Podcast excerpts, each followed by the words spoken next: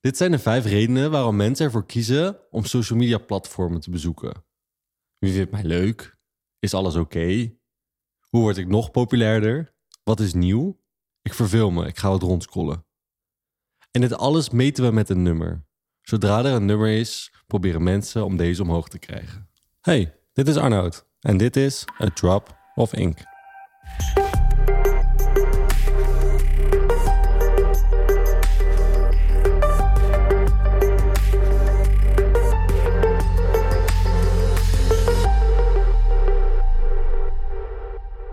Als je goed kijkt, lijkt het net een school. Een school gebruikt precies dezelfde maatstaven om te meten hoe goed wij het deden. De cijfers die je kreeg voor gimmen, voor wiskunde, natuurkunde, Engels, Nederlands. En we zien het soms nu ook al voorbij komen dat er wordt gemeten met onvoldoende, voldoende, goed. En dat we soms de cijfers weglaten. Maar het meeste wordt nog steeds gemeten met een cijfer. En wat er dus gebeurt, is dat het meer gaat draaien om het cijfer dan dat het gaat draaien om de, de daadwerkelijke lessen.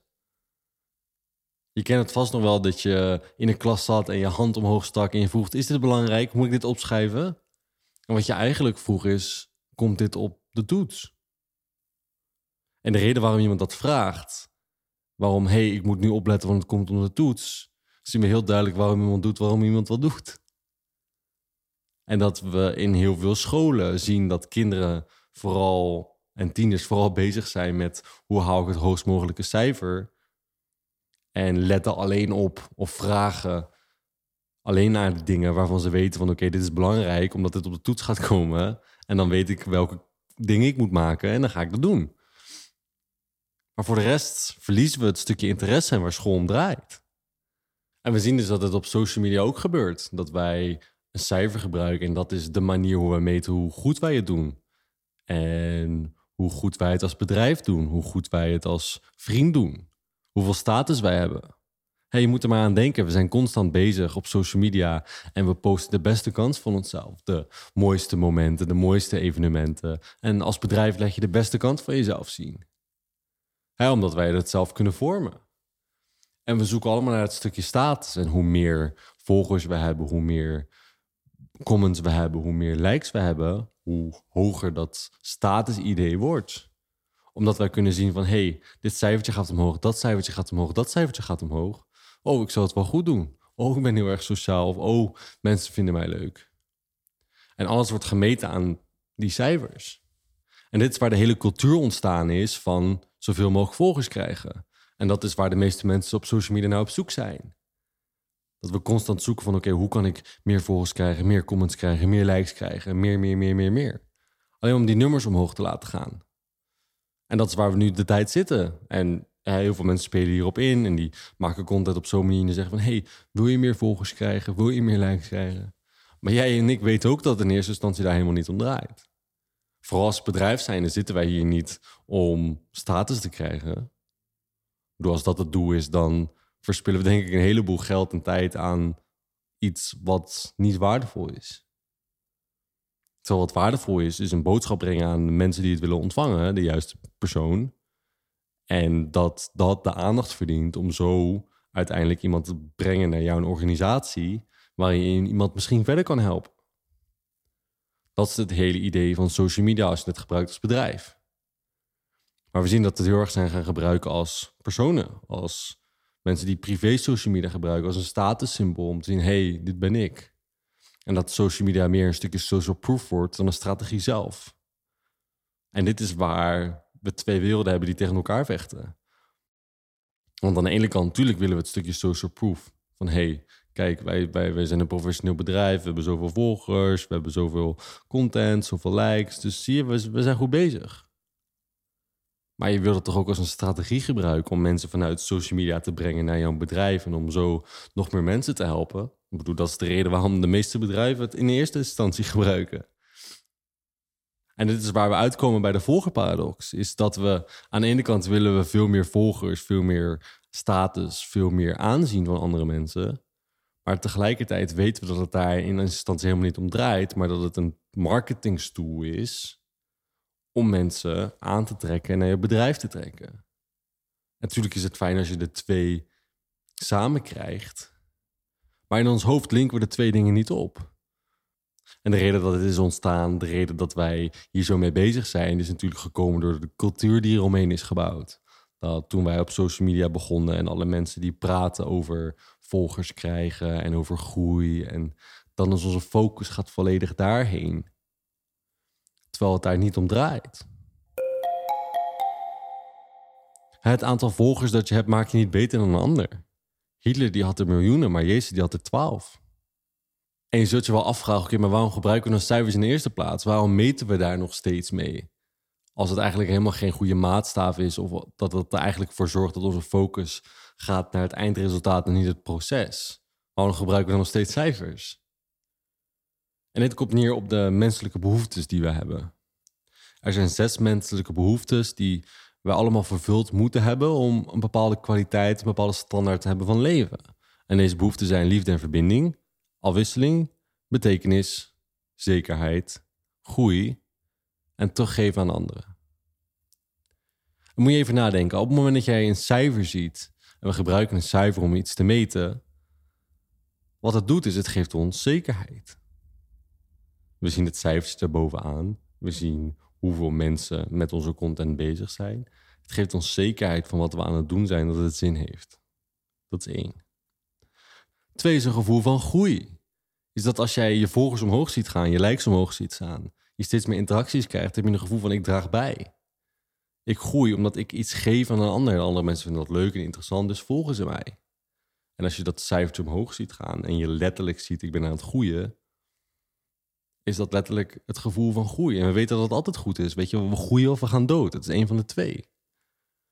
En dat is hoe het met het leven is. Dat is in het bedrijfsleven. Dat is met privézaken. Met dingen die we in het weekend willen doen. Dingen die we willen oefenen.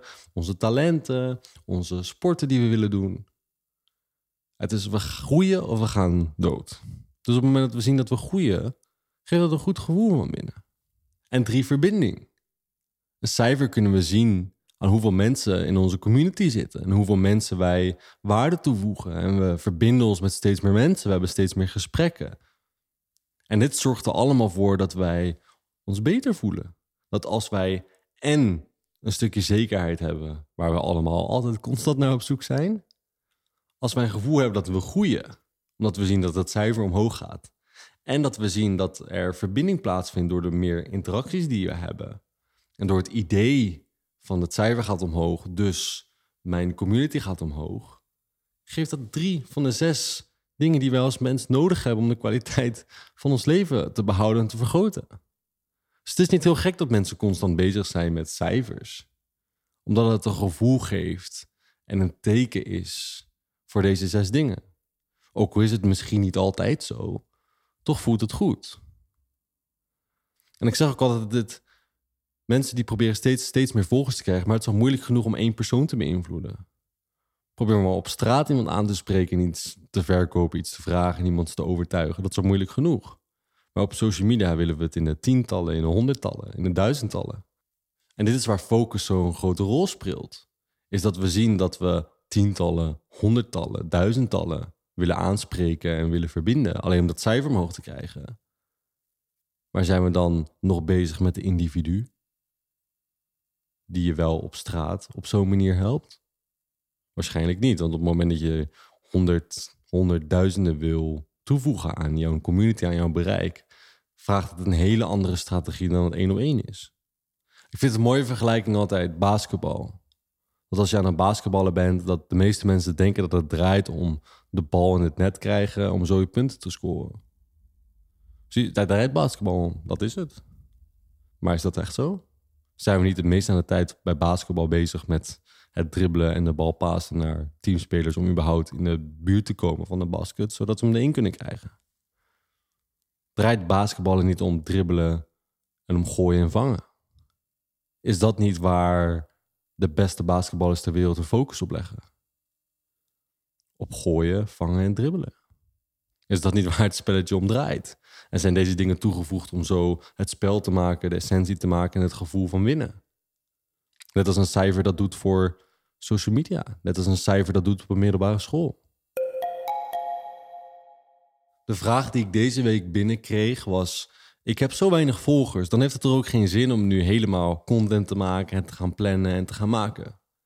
En op basis van deze vraag heb ik deze aflevering samengesteld, omdat ik je wil laten zien dat het niet draait om het cijfertje. Dat net als bij basketbal, dat het niet draait om winnen, maar dat het draait om het simpele van geven aan een ander, om op die manier de aandacht te verdienen. Dat is het. Dat zijn de elementen van content, is iets maken voor een ander wat een ander wil ontvangen. Niet zoveel mogelijk volgers krijgen. En iedereen snapt dat als ik zeg, je kunt tienduizenden volgers hebben, maar op het moment dat niemand in je doelgroep zit, daarvan heb je er niks aan. Vooral als je het voor je bedrijf doet natuurlijk. En dat verschil begrijpen wij intern heel erg goed. En we weten dat het stom is. Maar toch zijn we constant bezig met dat cijfertje omhoog krijgen. En soms is dat zelfs belangrijker dan het aanspreken van de juiste persoon. En bedrijven zoals ik en mensen die in social media marketing zitten, die weten het heel goed. En er zijn bedrijven die constant bezig zijn om dat cijfertje omhoog te krijgen, omdat ze dan denken dat, of de klanten denken dan dat ze het goed bezig zijn. En je geeft dat stukje status aan iemand en je geeft die basisbehoeftes aan iemand en iemand voelt zich goed. En daar komt een statement zoals dit vandaan. Dus ik heb toch zo weinig volgers. Dan heeft het toch geen zin om dit allemaal, al dit werk erin te steken. En deze persoon die had al over de 800 volgers volgens mij. En als je nu voor een zaal zou zitten voor 800 mensen en je zegt ik heb niet genoeg, is dat niet egoïstisch? En dit komt alleen maar puur door dat we zo gefixeerd zijn op dat cijfertje en niet op zijn en we niet bezig zijn met, oké, ik wil één persoon helpen. Hoe kan ik één persoon dienen? Hoe kan ik iets geven waar een ander geïnteresseerd in is? Hoe kan ik waarde toevoegen aan het leven van een ander? En als dat de focus is, creëren er allemaal resultaten. En één resultaat daarvan is een cijfer wat omhoog gaat. Dus ook al heb je weinig volgers, ook al lijkt het alsof het geen zin heeft. Als je constant bezig bent met het uitzoeken van wie je doelgroep is. Hoe je iemand anders kunt helpen. Hoe je iemand anders kunt dienen. Hoe je iemand zijn emotie kan laten veranderen. Hoe je iets kan toevoegen aan zijn leven. Dat je iets kan maken waarvan iemand zegt: Ik wil hierbij terugkomen. Dat als je nu zou verdwijnen van social media, dat iemand je zou missen als je weg zou zijn. Dat is wat we willen neerzetten en dat is waar het om draait. En daar komen resultaten uit. Daar kunnen klanten uitkomen voor je bedrijf. Daar kan het cijfertje van omhoog gaan. Daar kunnen interacties uitkomen. Daar komen comments uitkomen. Wat zijn de resultaten? Maar het is het proces wat de aandacht verdient. En als bedrijf is dat de reden waarom we hier zitten. Ik hoop dat je ziet dat het net als basketbal het niet draait om hoeveel punten op het bord staan, maar het draait om hoe we onze bal op de juiste manier kunnen spelen naar een ander. Ik hoop dat je hier wel wat van hebt geleerd, maar bovenal dat je er wat mee doet.